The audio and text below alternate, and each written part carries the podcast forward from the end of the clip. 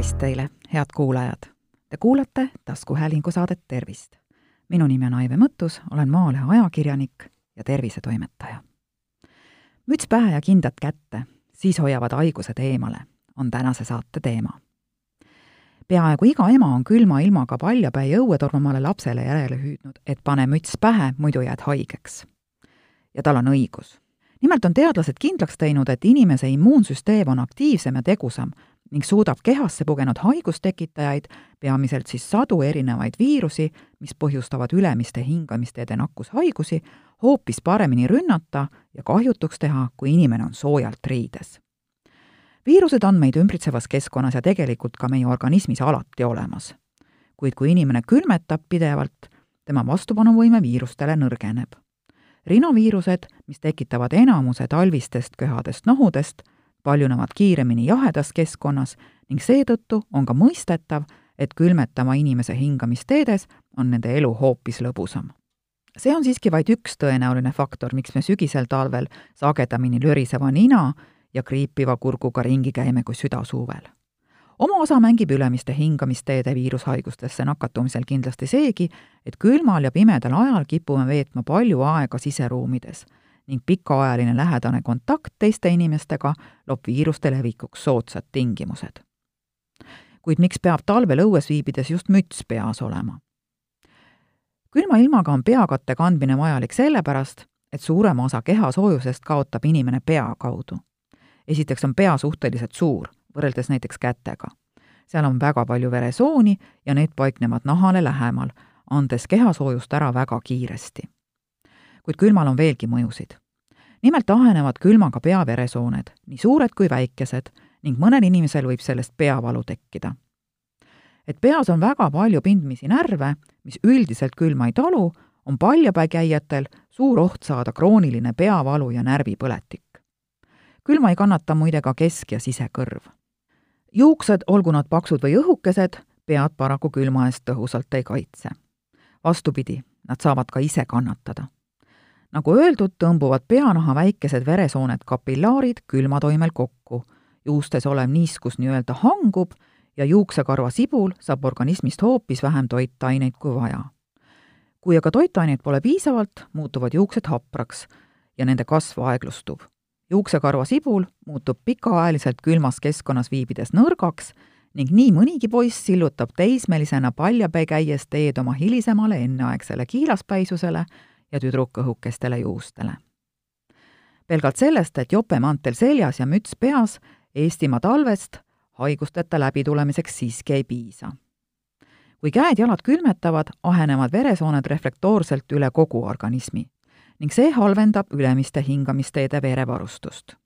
taas tekib soodus keskkond nakkusi põhjustavate viiruste arenguks ning nohu, köha ja kurguvalu ongi käes pikaajaline külmetamine muide tekitab ka lihaspingeid. seljalihaste pinge võib aga viia kroonilise lihasvaluni nimme ja kukla piirkonnas. tundub uskumatu, aga nii see on. paljud noored kannavad külma ilmaga sokke, mis vaevu-vaevu tennistest välja paistavad ja jalas kehakuju järgi vaid kitsaid pükse. sellega, et kitsastes riietes ruttu külm hakkab, nad kahjuks arvestada ei oska. emad ja vanaemad teavad aga väga hästi, et ka teksapükstes, mis kangana külma eest head kaitset ei paku, on talvel hoopis soojem, kui nende all kanda sukkpükse. sest kahe kangakihi vahele tekib kitsas soojust hoidev ruum. lisaks katavad sukkpüksid naha lühikeste sokkide ja püksivartsäärte vahel kenasti ära ning kehal on jällegi pisut soojem. perearst Anneli Talvik on veendunud, et vanemad peavad suutma lapsele selgitada, et tervisest tuleb hoolida ning inimene vastutab oma tervise eest ise haiguste ennetamine ei ole juba puhkenud tulekahju kustutamine, vaid pikaajaline ettevaatamine. kui selgitustest väheks jääb, soovitab ta vanemal koos lapsega teha lihtsa katse. pange kahte termosesse umbes neljakümnekraadine vesi. asetage termosed maapinnale, ühele jätke gaas pease, teiselt võtke ära. umbes veerand tunni pärast paluge lapsel katsuda vett mõlemas nõus. järeldused oskab iga laps tõenäoliselt ise teha, usub doktor Talvik nii et tegelikult on lihtsaid nippe teades ning emade-vanaemade tervisetarkusi silmas pidades võimalik moodsalt riides käia ja organismi pirus, pisutki viiruste eest kaitsta küll.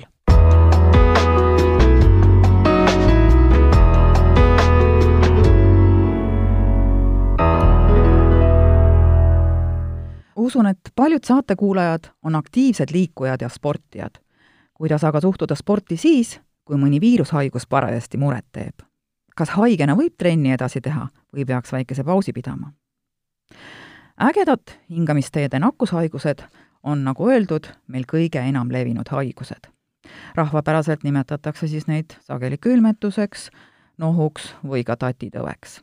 meditsiiniliselt lähtutakse enim haigestunud hingamisteede osast ja selle järgi tuletatakse ka haiguse nimi. näiteks ninaneelu, kõri, hingetoru või bronhide põletik. Peamised haigustunnused on siis palavik, vesine nina, valu kurgus ja, ja neelamisel, kähisev hääl, kratsimine rinnus ja mitmesugused üldnähud, peavalu, nõrkus, isutus, loidus. haiguse, nagu öeldud, põhjustab siis mitte külmetus, vaid viirusinfektsioon. külmetus aitab sellele lihtsalt kaasa, et viirused meie organismile kahju teha saaksid. haigust põhjustavad viirused levivad piisknakkusena. Haigestunud inimese köhatamisel või ajastamisel paiskuvad need koos limapiiskadega välja. ja viirused tungivad organismi hingamisteede kaudu haiguse peiteperiood kõigub paarist tunnist kolme-nelja päevani. ning ülemiste hingamisteede nakkushaigused võivad esineda kõikidel aastaaegadel, kuid sagedus suureneb septembris-oktoobris ja jõuab haripunkti veebruaris-märtsis. ägedad hingamisteede nakkushaigused tekitavad sageli ka tüsistusi ja nendeks on kõige tihedamalt siis keskkõrvapõletik, nina-kõrvalkoobaste põletik, kopsupõletik ja vahel ka südamekahjustus. Äh, kuidas siis suhtuda ägedate hingamisteede nakkushaigustesse ja sporti? laste puhul on üks kindel reegel. kuna lastel on enesetunnetus ebaadekvaatne, siis on nendel soovitav treeningutest täielikult loobuda. Ja täiskasvanud peaksid lähtuma siis järgmistest soovitustest. halva enesetunde korral, kui muud sümptomid puuduvad, tuleks üks, üheks-kaheks päevaks vähendada treeningute intensiivsust kuni enesetunde paranemiseni.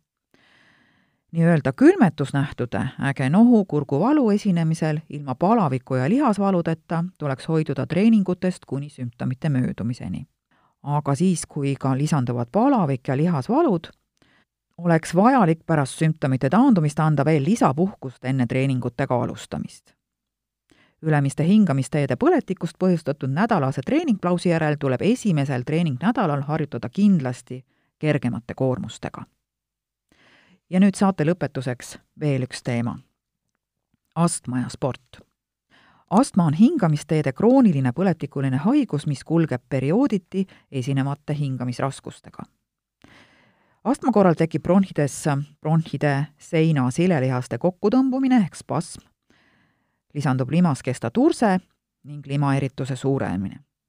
seetõttu häirub õhu liikumine hingamisteedes, eriti just väljahingamisel, ja tekivad astmale iseloomulikud haigusnähud, see on siis kas episoodiline aevastamine koos hingamisraskusega, lisanduda võib pingetunne rinnus, õhupuudus, hingeldus, vilistav hingamine ja ka köha. Paljudel inimestel kulgeb astma järsku tekkivate hingamisraskuse hoogudena kui haigus on jäetud diagnoosimata või ebapiisavalt ravitud, võib astmahoog põhjustada ka muide eluohtliku seisundi. astmat võivad esile kutsuda mitmesugused tegurid, needsamad ülemiste hingamisteede viirusnakkused, aga ka allergeenid, külm õhk, õhusaaste, tubakasuits, teravad lõhnad, kehaline koormus. Kui varasemalt soovitati astmaatikutel kehalisest treeningust loobuda, siis nüüd on leitud, et regulaarne füüsiline koormus tegelikult vähendab hingamisteede kahjustust ja vajadust ravimite järele. spordiga tegelemisel on kaebused kõige suuremad õues külma ja tuulise ilmaga või siis allergeenidest saastatud keskkonnas harjutades. hästi kontrollitud astma puhul on lubatud piiranguteta sport. Kaebusi esineb vähem, kui enne pingutust tehakse korralik soojendus ja koormused vahelduvad puhkepausidega külmade ilmadega on mõnikord vajalik astmahaigel kanda näo ees maski, mis soojendaks sisse hingatavat õhku. ja üks reegel on astmaatikute puhul sporti tehes küll, et mitte kunagi ei tohiks nad üksi treenida. head kuulajad, te kuulasite taskuhäälingu saadet Tervist. Saate leiate Delfi podcastide pesast tasku, nutirakendustest Spotify, Apple Podcasts, SoundCloud ja teised hakake jälgijaks ja kuulake just teile sobival ajal. ettepanekuid teemade kohta, mida saates käsitleda, ootan teilt e-posti teel aadressil tervist.maaleht.ee. minu nimi on Aive Mõttus, olen Maalehe ajakirjanik ja tervisetoimetaja. tervist teile!